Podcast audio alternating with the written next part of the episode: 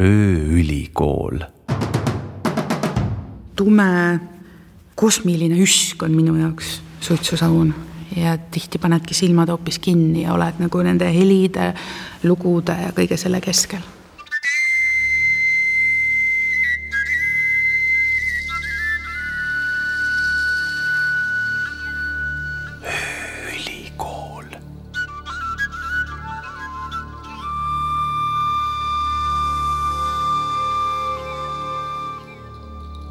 filmirežissöör Hanna Hints kõneleb teemal elust ja suitsusaunast.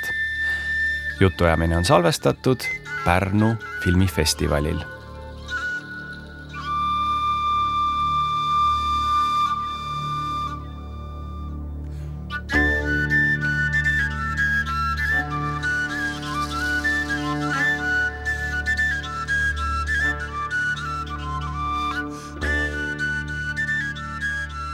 saun on püha paik. just oli laulupidu, arutati selle üle, et mis on püha. mis on sinu jaoks püha, Anna hmm.? suitsusaun on, on minu jaoks olnud kindlasti selline püha paik. ja, aga et mis on püha, see on nagu kogu olemine on püha. et kui ma käin ka ringi ja räägin suitsusaunast kui pühapaigast, siis ma alati räägin ka seda, et see on tegelikult suurem, laiem vaimne tervik, kuhu see suitsusaun kuulub, et miks ta on niimoodi püha. noh, minu juured on, on ju Võromaal ja Setomaal, et seal me tervitame suitsusauna kui olendit. ta kuulub laiemasse maailmatajusse või tunnetusse, kus äh, kõik meie ümber on hingestatud ja meie oleme selle suure hinguse või hingestatuse osa. kõik loodus elab ja hingab ja on püha ja see on minus seesmine taju, mis on tegelikult lapsest peale minu sees olnud. ja mida andis edasi minu vanaema, kui ta andis edasi ka Savusanna kombeid. ja sinna kuulub veel selline taju, et äh, ajataju on teistsugune, ajataju ei ole lineaarne. ajataju on tsükliline nagu looduses. ja ma vajangi looduses käimist ja Savusannas käimist, et jälle ühenduda ise siis selle iseenda sees oleva hingusega ja siis selle kõikjal minu ümber oleva hingusega, et et kõik ongi püha, aga see pühasus on ka midagi väga loomulikku ja igapäevast. kui ma mõtlen oma vanaema peale, ei ole ainult niimoodi, et ta paneb nüüd erilised riided selga ja, ja siis on nüüd püha ja kõik on väga pühalik. et äh, ma mäletan, kui oli hingede aeg, mis on siis hilissügis, kui tehti ka ja tehakse hingede sauna ja, ja antakse hingedele, pannakse toitu, siis ta tegi seda kuidagi nii äh, loomulikul viisil. umbes, et oli kalossidega kuskil põlla peal ja ja siis läks tuppa ja noh, muidugi need kalossid võttis ära ja tegi süüa ja nüüd katame laua, siin on toit sulle, siin on toit vana-vanaemale, vana-vanaisale, noh, kõik, kes olid kadunud. ja see kõik oli selline loomulik, püha minu jaoks on ka kõik meie kogemused või nagu seesama nagu Savu Sannas, et sa annad hääle kõikidele nendele kogemustele ja selle kaudu tervened, et minu jaoks see püha ei ole midagi sellist, et midagi on mittepüha, mõistad? et kuidagi kõik see suur olemine ongi nagu püha ja mul on võimalik näha seda pühasust või tajuda seda püha tunnet ka kuskil muda sees, et püha on see ühendus võib-olla siis kõige elavaga. see on nagu ilmutuslik isegi mingis mõttes, et sa korraga saad aru sellest, et äh, tähed ja muda on ühtviisi püha. just, just tähed ja muda on ühtviisi püha. ma arvan, seda andis mulle edasi tegelikult vanaema. aga ta andis seda mitte selliselt, et tule nüüd laps, ma õpetan sulle, vaid ta andis seda edasi lihtsalt selle viisil, kuidas ta elas.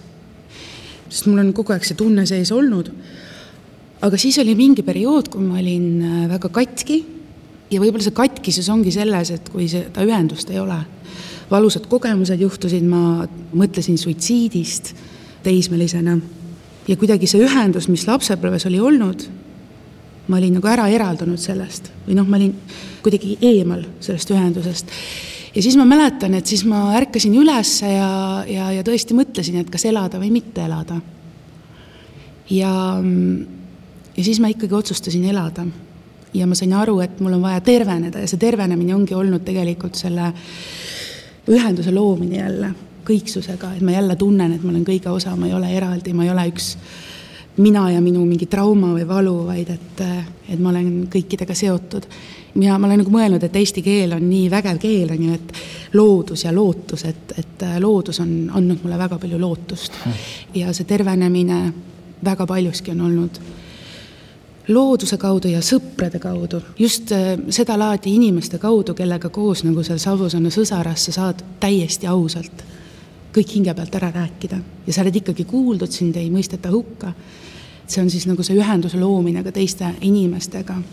et ei ole ainult see ühendus, et aa, et ma näitan sulle ainult pühapäeva mina, on ju, või oled minuga ühenduses siis, kui mul on mingi vägev, ma ei tea, olen parajasti nii-öelda kõik on hästi, on ju, vaid et see ühendus just selle kaudu ka, et kui ma olen katki või ma olen mul ei ole kõik nii hästi või on väga raske ja ikkagi me oleme ühenduses, et ma teen ennast sulle nähtavaks oma haavatavuses ja selle haavatavuse kaudu siis tekib see ühendus.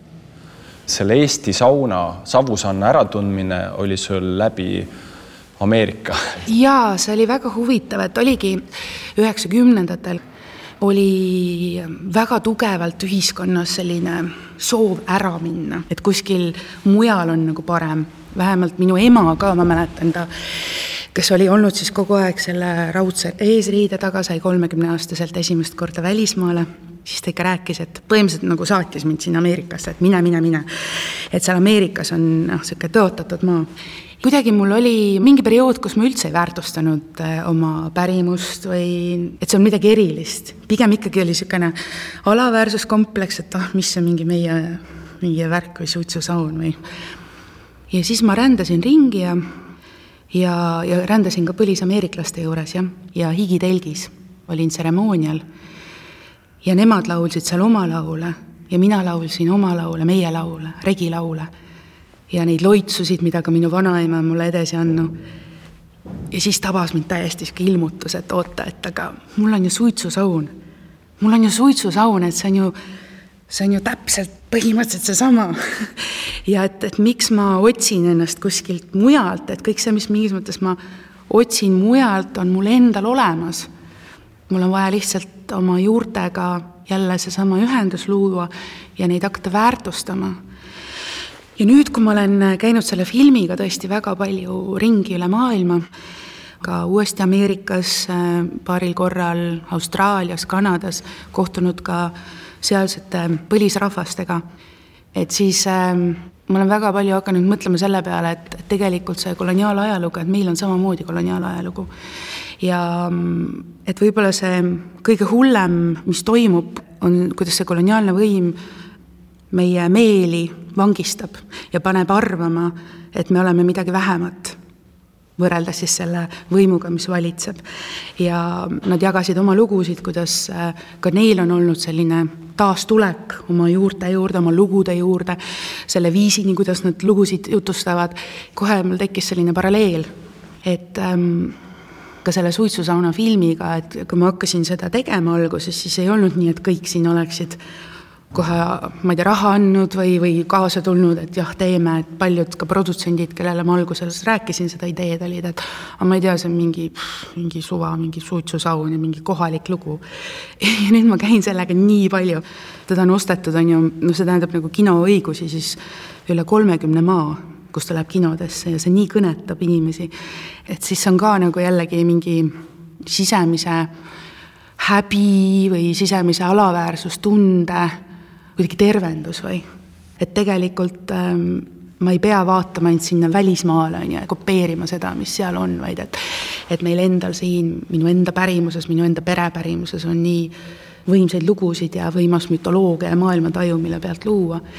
et, ähm, et see on midagi, mis ma nüüd, kui ma olen käinud, siis ma olen tõesti noh, tunnetanud niisugust ühisosa teiste väikerahvastega või põlisrahvastega ma lihtsalt, kuna sina ise seda ei räägi, siis ma pean selle nii-öelda skaala mõttes veel mm. filmimaailma osas, et on tohutu ime, kui keegi pääseb oma filmiga Sundance'i festivalile.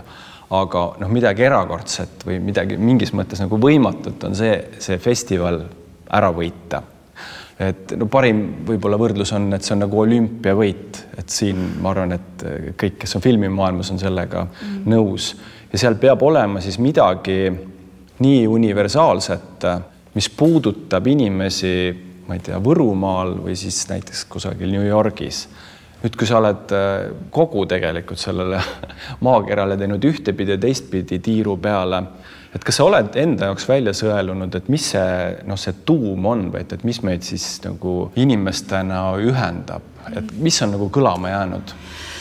Kui ma mõtlen tagasiside peale, siis äh, mitmed asjad mm,.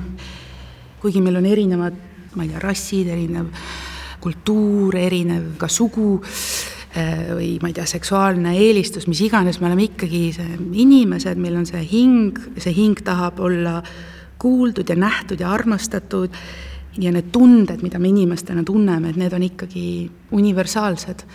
ja mis on võib-olla rabanud neid, on ähm, ikkagi ka see kombinatsioon siis sellisest universaalsest nagu äratundmisest, aga ka sellest unikaalsusest. noh, seesama suitsusaun, et ongi selline ruum, kus sa lähed näiteks alasti, igas mõttes alasti, see ei ole ka iseendastmõistetav, väga paljud kultuurid seal on alastusega, on, kus nad ei ole näinud enda emasid või isasid alasti. meie jaoks on see kuidagi loomulik, on ju, et ähm, sa lähed, kas või see, et lähed vähemalt oma ema või vanaemaga sauna, et Hongkongis või nüüd ma käisin UK-s, oli tegelikult nii paljud, kes imestasid selle üle, et äh, kuidas see on, et see on nii niimoodi üksteisega alasti ja see, selline ruum on võimalik ja et on võimalik, et sind niimoodi ära kuulatakse, selline ongi turvaline ruum, kus olla haavatav, et see vajadus, ma arvan, on ka lihtsalt nii suur see vajadus sellesama ühenduse järgi, ka üksteisega ühenduse järgi.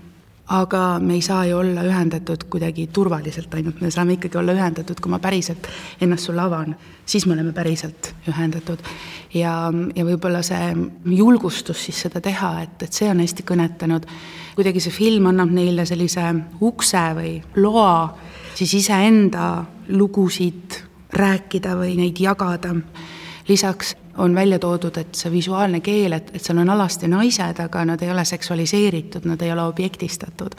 ja et need ei ole üldse tähtsad, need näod, tegelikult absoluutselt ei ole tähtis.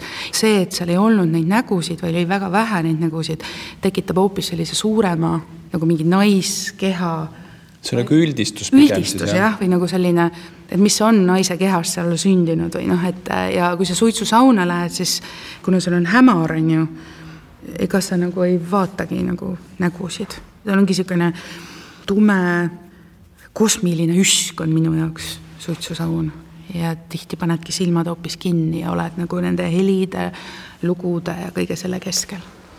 ja on, on välja toodud ka seda, et on loomulikud kehad ja et nad on kõik on kuidagi ilusad omal moel, aga nad ei ole ilustatud.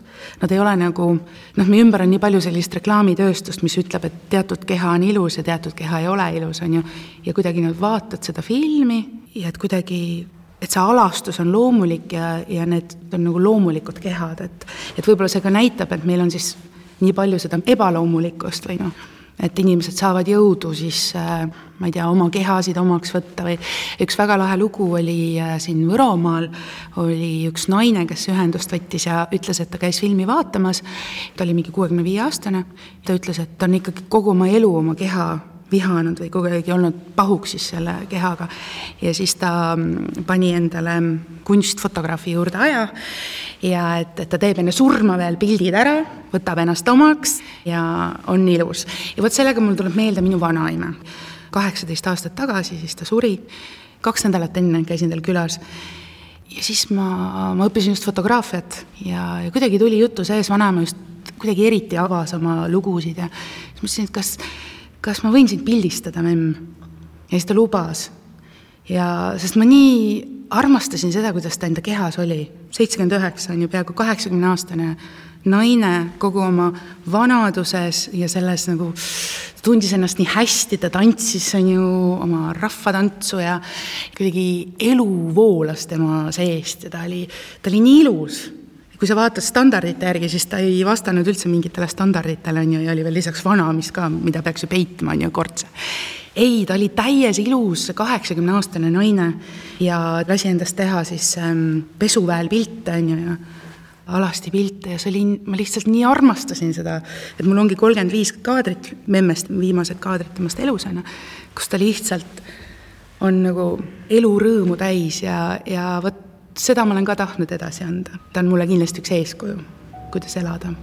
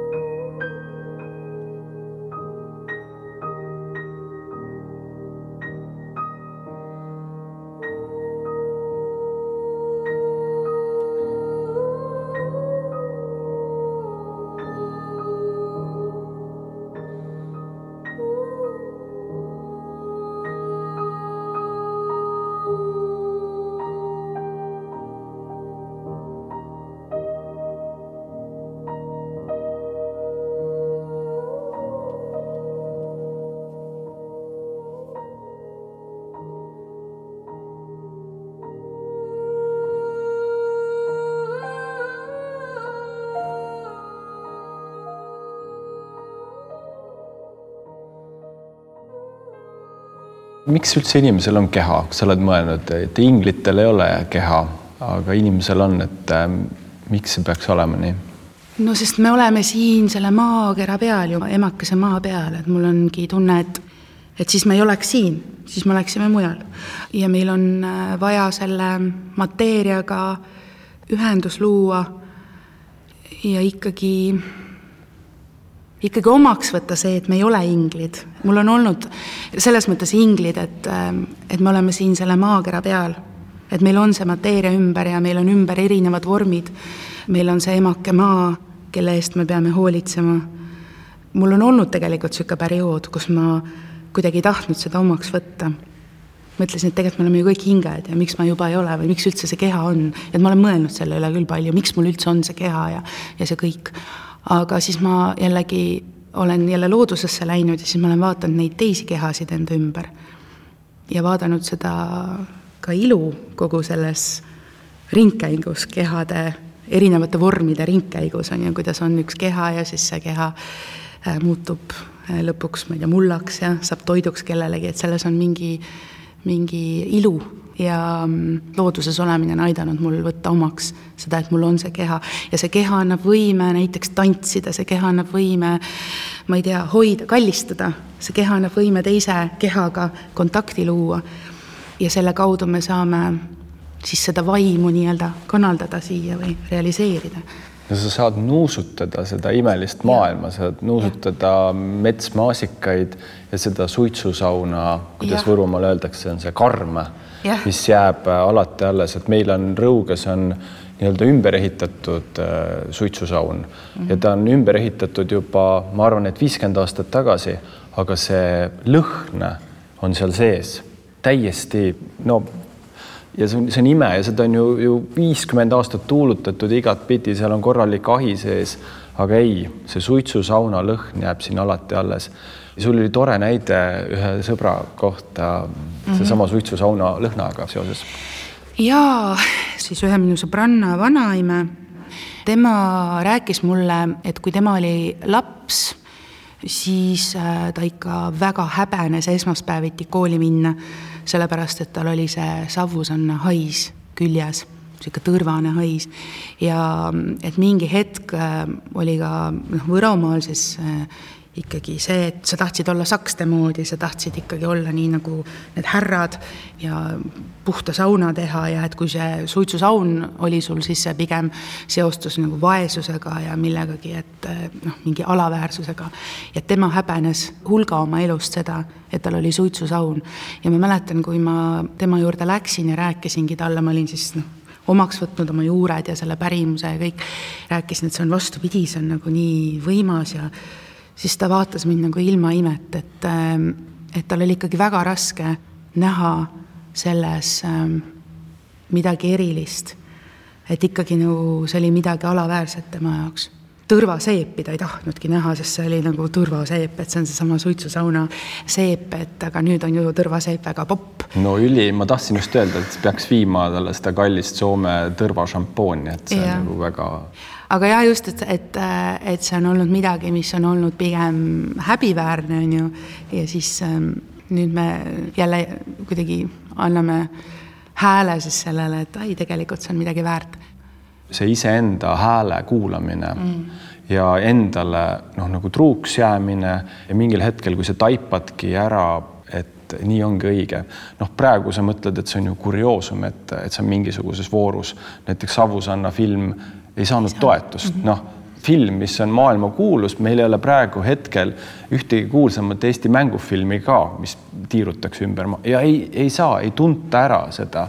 Ja siis sellises olukorras, et kui ära ei tunta, et sus on olemas veel endas jõud või see enda usk, et sa ikkagi teedki niimoodi ja sa teed oma intuitsiooni pealt või noh, nii nagu sa oled rääkinud ka filmi puhul, et noh, keegi ütles argumendina välismaa targad otsustajad, et aa, et no kuidas see film on, et seal ühtegi nägu ka umbes ei näidata, eks ju, et te näitate kehasid. noh, pärast tekkis see, et kes tahavad, võivad ka näoga olla sees.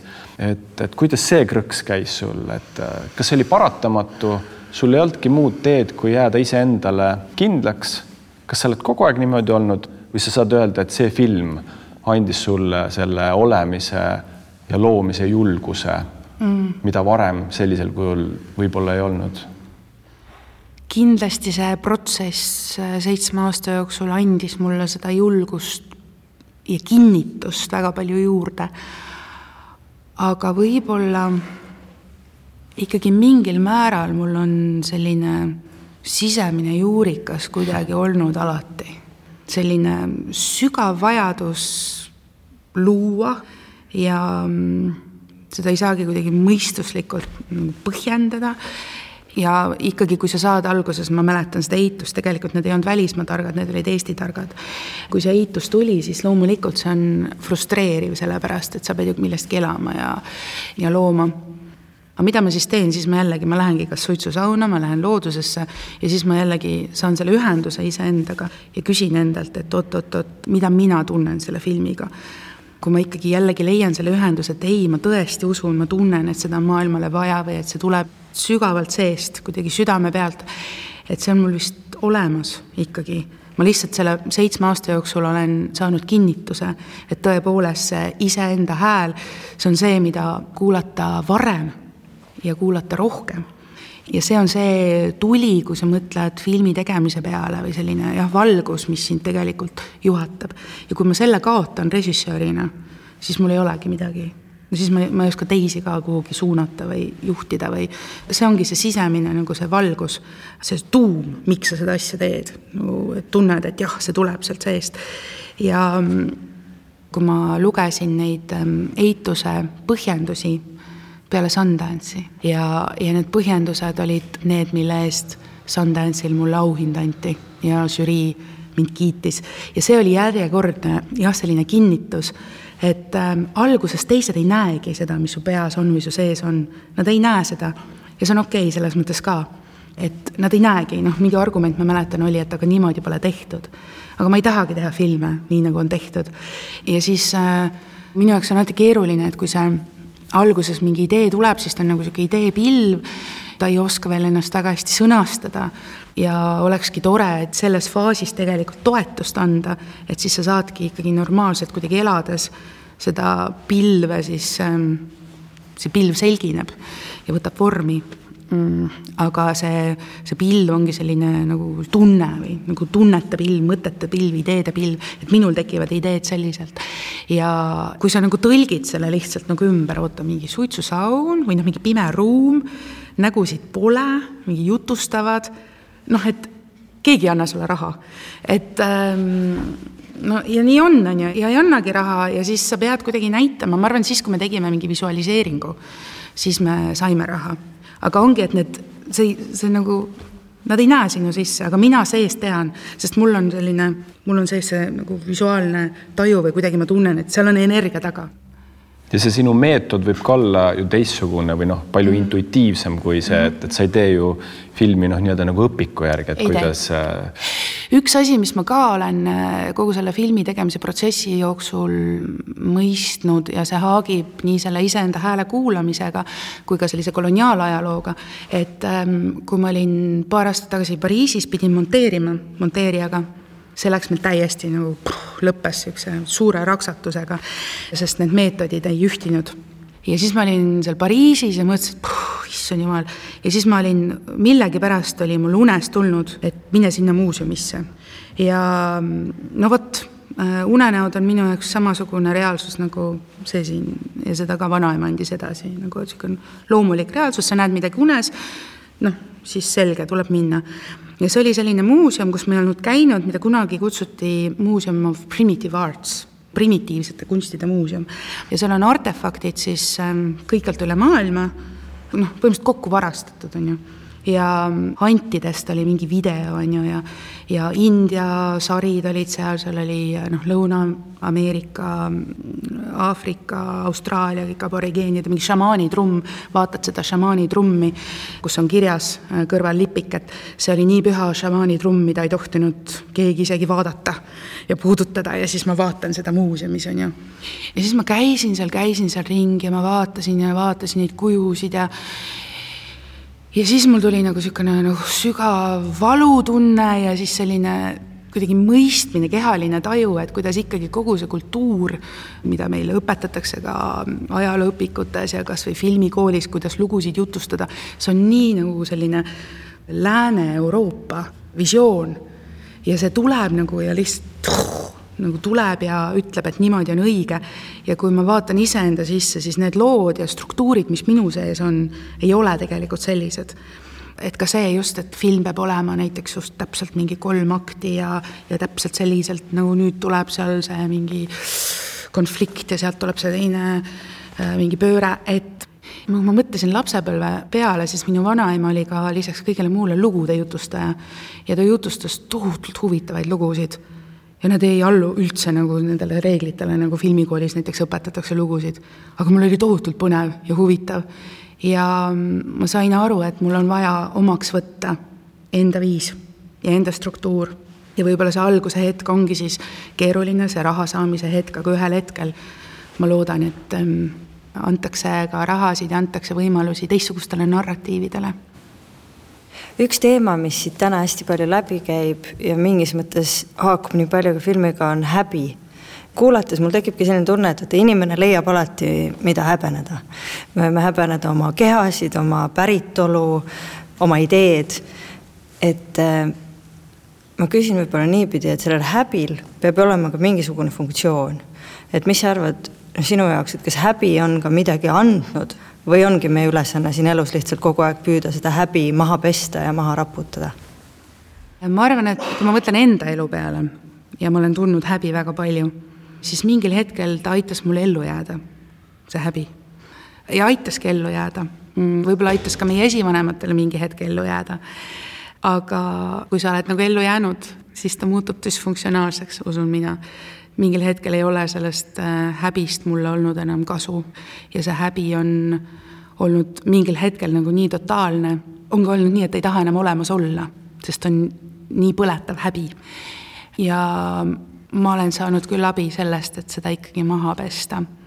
aga teisalt, see on võib-olla ka see, et kui seda häbi on nii suures kontsentratsioonis, on ju, kui on nagu väiksemas kontsentratsioonis, siis vahel võib see häbi jällegi tuletada meile meelde ma ei tea, vastutust või näiteks, et ma teen midagi, ma teen kellelegi haiget, on ju, kas või kogemata.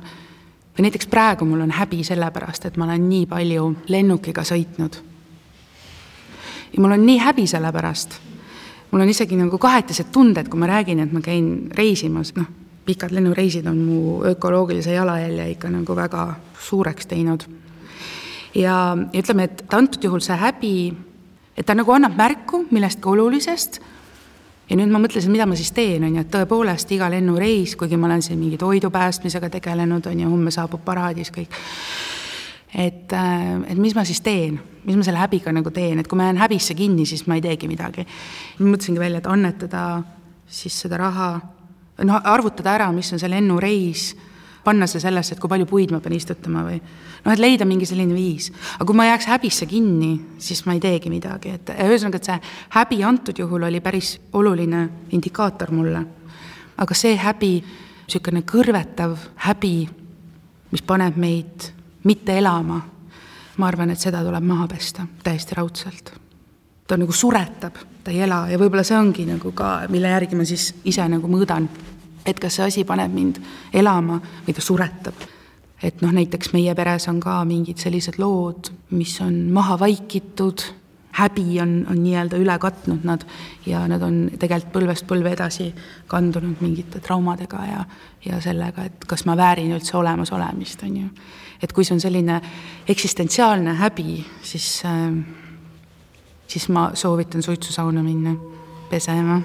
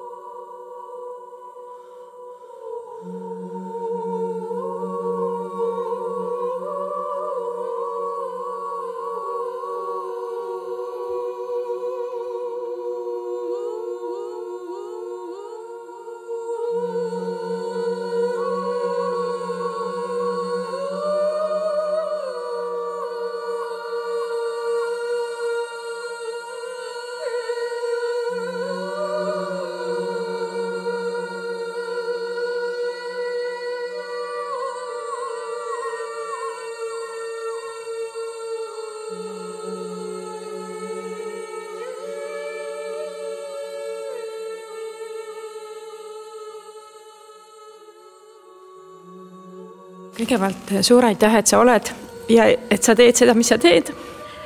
korraks käid läbi ka sealt filmist emade ja tütarde teema. kas sa oled ka pikemalt mõtisklenud nende teemade peale? ma olen väga-väga palju mõtisklenud emade ja tütarde teema peale, mul on väga keerulised suhted olnud mu enda emaga. ja see on olnud üks suur protsess, tervenemise protsess. ikka pikki aastaid mul oli nagu selline tunne, et et ma saan siis ainult õnnelik olla ja terveks, kui mu ema mind täielikult mõistab. mõistab minu valu, kuulab ära minu valu, tekib nagu selline lähedus, mida ma igatsesin. ja, ja ma muudkui ootasin seda ja ootasin ja, ja siis pettusin ja muutusin kurjaks ja, ja meil olid suhted väga sassis. aga siis ma sain aru, et et äh, minu õnn ei saa sõltuda sellest, kas mu ema mind mõistab selliselt, nagu mina seda igatsen.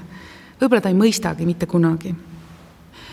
ja siis ma elasin läbi sellise leina, nagu et aktsepteerid seda, et vot mul on selline kogemus, et ma aktsepteerin, ma ei saa muuta neid kogemusi, mis mul on olnud, neid valusaid kogemusi temaga. ja siis oli niisugune lein.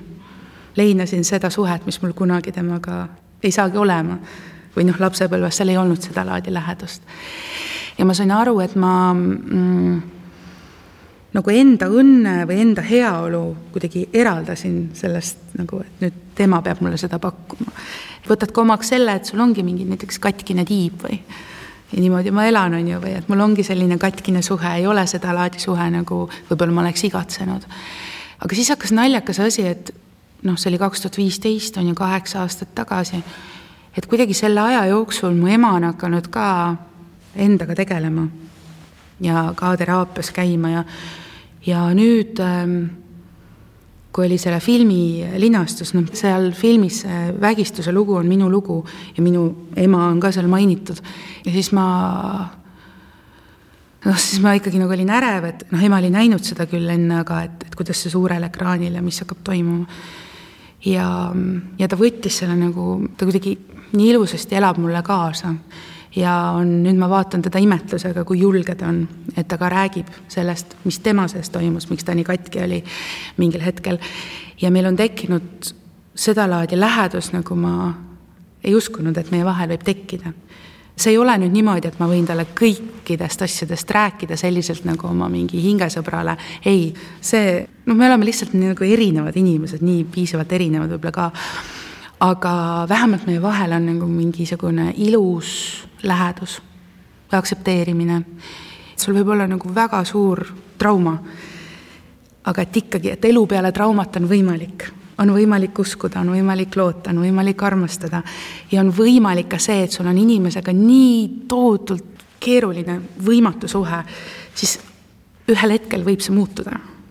ja siis ähm, kui ei ole meil nagu näiteks bioloogiliselt selliseid, ma ei tea, vanemaid või mõnel ju ei olegi nagu, et siis äh, kuidagi ka seda edasi anda sellesama filmiga või et meil on võimalik luua sõsarkondi või mitte ainult naisi, vaid ütleme, niisuguseid kogukondi kus me saame olla üksteisele toeks ja pakkuda seda lähedust, et, ähm, et valgus on võimalik peale pimedust. nagu päriselt, nagu päriselt, mitte niimoodi, et tehes endale niisugust maski või, või kuidagi öeldes, et kõik on hästi, kui tegelikult ei ole, ei, et nagu sa oled, et nagu ma ütlesin, niisugune nagu vildakas oma, et minu sees on kindlasti need haavad või marrastused jäävad elu lõpuni. ma ei saa neid olematuks teha, aga ma saan õppida nendega olema ja ma saan oma marrastuste ja valudega, mis siis ma saan ikkagi tantsida kas või nagu istud ja tantsid nagu kuidagi. et see on kindlasti üks, mis mind motiveerib hommikuti üles ärkama või looma, looma seda ühendust see tundub ka nagu igasugustest maailmavaadetest ja religioonide ülenest, mulle meenub sattusin ükskord äh, Arvo Pärdiga kõrvuti istuma, kui lennati Berliini. ma küsisin, et mis on siis nagu kõige olulisem. siis ta ütles, et tead, et meil kristlastena on ikkagi see asi väga noh, et see, et kui sa kukud kõhuli porri, et sul on alati võimalus ennast püsti ajada et see on nagu põhiline mm. -hmm. ja see kuidagi tuli läbi selle lennuki mootorite müra ja ma kuulasin, kuulasin, ah ja et, et ikka. siis ma olen kogu aeg mõelnud, et kui mingi jama on olnud, et ah, alati saab äh, ennast uuesti püsti ajada, et ei ole mm -hmm. häda midagi. kui mõtlen sina kui kunstnik või, või looja, et sa oled valinud äh, filmi, need on liikuvad pildid, aga sa alustasid äh, fotograafiast. räägi mõne sõnaga ka -hmm. sellest liikumisest. Kui ma olin hästi-hästi katkine seal teismelisena, siis mingi hetk oli niisugune periood, kus ma ei käinud üldse väljas. mul oli väga tugev sotsiaalne ärevus. Ja ma puudusin koolist ka, jällegi seesama häbi, häbi minna ja ennast näidata. Ja samas ikkagi tahad näidata, aga nagu on see häbimüür on nagu ees, et oli selline aeg ja siis ma olin äh, kodus ja eriti mulle meeldis olla kodus nii, et kedagi teist ei olnud ja siis ei olnud veel, meil küll ei olnud arvutit või noh, internetti veel nagu ei olnud. ja siis ma vaatasin filme. sati pealt olid need niisugused programmid, kus sai vaadata kinoklassikat ja, ja igast, siis ma vaatasin täiesti ahmisin kõike, mis ma sain. ja siis ma tundsin, et ah, et mina tahan ka. et ma tõesti tahan ka, et ma nagu tundsin, et et see vorm mind nii kõnetab et siin saavad kokku heli, pilt, tekst, kõik nagu ja siis, kui ma lõpetasin keskkooli, siis ähm, siis ma tegelikult ikkagi teadsin, et ma tahaksin lavastajaks saada, aga ma kuidagi tajusin väga täpselt, et ma ei ole tegelikult selleks valmis, noh, ma olin nii katkine. Kuidas ma lähen nagu inimeste ette, on ju, ma pean seal kõik see mees-naiskond, et kuidas ma seal oma seda visiooni üldse, kuidas ma oma häält julgen üldse välja lasta või näidata, et see hirm oli nii suur. ja siis ma sain aru, et ma pean tervenema ja siis hakkaski selline tervenemise teekond ja, ja samas see loomisvajadus oli väga suur. Ja siis ma mõtlesin, et aga tegelikult äh, visuaalne mõtlemine on päris, vähemalt meie ajal koolis oli väga nõrk, seda ei olnudki koolis. ja siis ma mõtlesin, et aga ma lähen õpin fotograafiat kõigepealt, et äh, tõesti nagu süvenen ühte kaadrisse, mis tähendab see üks kaader või kuidas, mis see endast kujutab, visuaalne keel ja ma läksin Tartu kõrgemasse kunstikooli, õppisin fotograafiat. ja enne seda ma õppisin kirjandust ja rahvaluulet Tartu Ülikoolis. siis ma olin kaasaegses kunstis, kaasaegse kunstiskeenel ja siis äh, mul sündis tütar ja ma olin kakskümmend kaheksa. ja ma mäletan ühte kevadhommikut, kui ma oma sõbra Kalev Vapperiga istusin Karlovas mätta peal ja, ja siis mul tuli meelde, et oota, et aga mul oli ju seal teismelisena see unistus, et ma tahtsin filmirežissööriks saada, et tegelikult ma läksin fototi õppima ka niimoodi, et ma õpin kõigepealt fotot ja siis ma jõuan liikuvate piltideni ja, ja siis ma teen sellist asja, et, et kui ma ei tea, mida otsustada, siis ma kujutan ennast äh, surivoodile, et ma vaatan tagasi elule ja et kui ma nüüd ei läheks sinna filmikooli, et kui ma mõtlen tagasi, kas ma kahetseksin seda. Ja siis ma kujutlesin seda ja siis ma sain aru, et ma kahetseksin. ja siis ma otsustasin filmikooli minna. ja see oli täiesti õige hetk, et varem ma ei olekski valmis olnud, ma arvan olla nagu niimoodi valmis, et sa lihtsalt ei istu kuskil noh, oma sotsiaalärevusega eemal, on ju, et sa suudad inimestega suhelda, aga teine asi ka nagu sisemine küpsemine, et mis on need lood, mida jagada.